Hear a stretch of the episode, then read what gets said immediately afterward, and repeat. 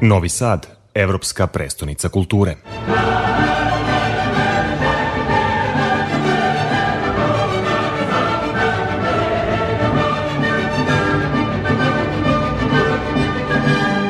Kao što i sam naziv upućuje, programski lup Budućnost Evrope u epicentar stavlja mlade. E, koje teme ste prepoznali kao najznačajnije za ovu populaciju? E, mi smo se fokusirali na tri teme ili okosnice u ovom, ovom programskom luku. Prva bi bila neformalna edukacija, odnosno e, korišćenje metoda e, neformalne edukacije i primjena nekih alata poput umetnosti, kulture, znači crtanje, slikanje, e, pozorište i tako dalje, unutar formalnih obrazovnih institucija, odnosno unutar škola, fakulteta. Drugi kraj toga jeste da smo pokušali da e, uključimo zapravo neformalnu edukaciju u kulturne institucije, odnosno da se unutar kulturnih institucija dešavaju nekakvi obrazovni programi i na taj način zapravo e, proširimo koncept škole sa onoga što nam je poznato kao obrazovna institucija.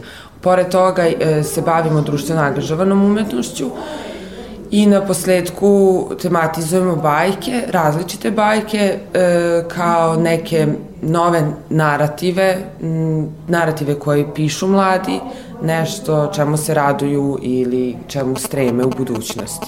Bave se rušenjem stereotipa u bajkama i postojećim narativima i pravljenjem nekih novih koncepata koje zapravo oni definišu kao važne.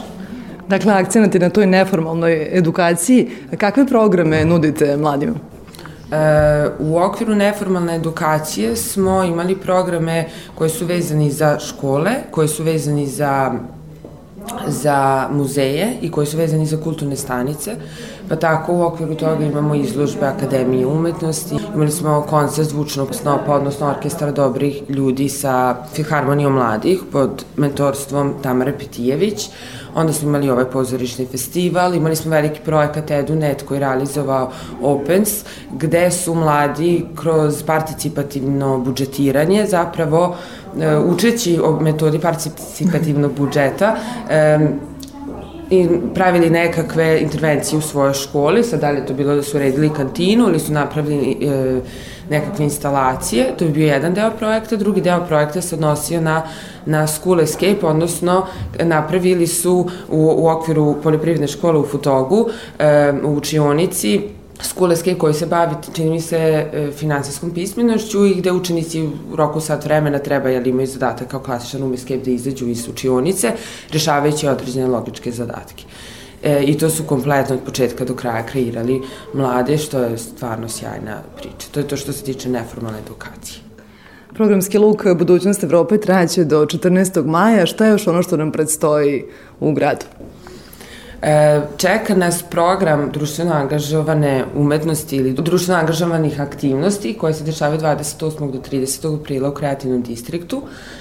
U pitanju je skup programa poput revija, izložbi, cirkusa, primenjenog teatra, koncerata i slično, a svi e, tematizuje opet relevantne društvene teme.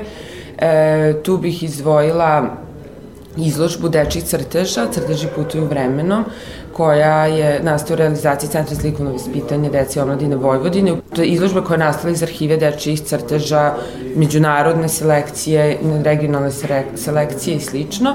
Arhiva datira od 54. E, godine, tako da je zaista bogata i raznovrsna. E, takođe bih izdvojila koncerte. U pitanju je novi talas, ajde da kažem tako, mlade tendencije koje, koje su sad aktualne na, na lokalnoj, regionalnoj e, sceni. Oko 30 mladih bendova će nastupiti poput Fantoma, Luke Rajića, Zoe, Tam, Kenneberry, Nihil, e, Koala Voice, znači dolaze iz Slovenije, iz e, Hrvatske i to će biti stvarno jedna super priča, to je tri dana u distriktu. E, a nakon toga od 7. maja do 15. maja prelazimo u centar e, gde se u pozorištima dešavaju e, bajke E, tu bih izdvojila dva međunarodna festivala pozorišta. Jedan se zove Novosadske pozorišne igre u produkciji pozorišta mladih. U pitanju je selekcija predstava za decu i mlade iz Rusije, Slovačke, Slovenije, Hrvatske, e, Finske i tako dalje. Osim toga imamo i pozorišni festival Upad. Selektori e, tog festivala su mladi.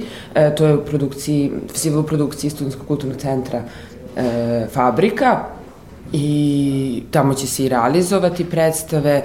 Takođe imamo gostujuće predstave iz Irske, Španije i zaista bit će sjajno. Mnogo toga da se vidi.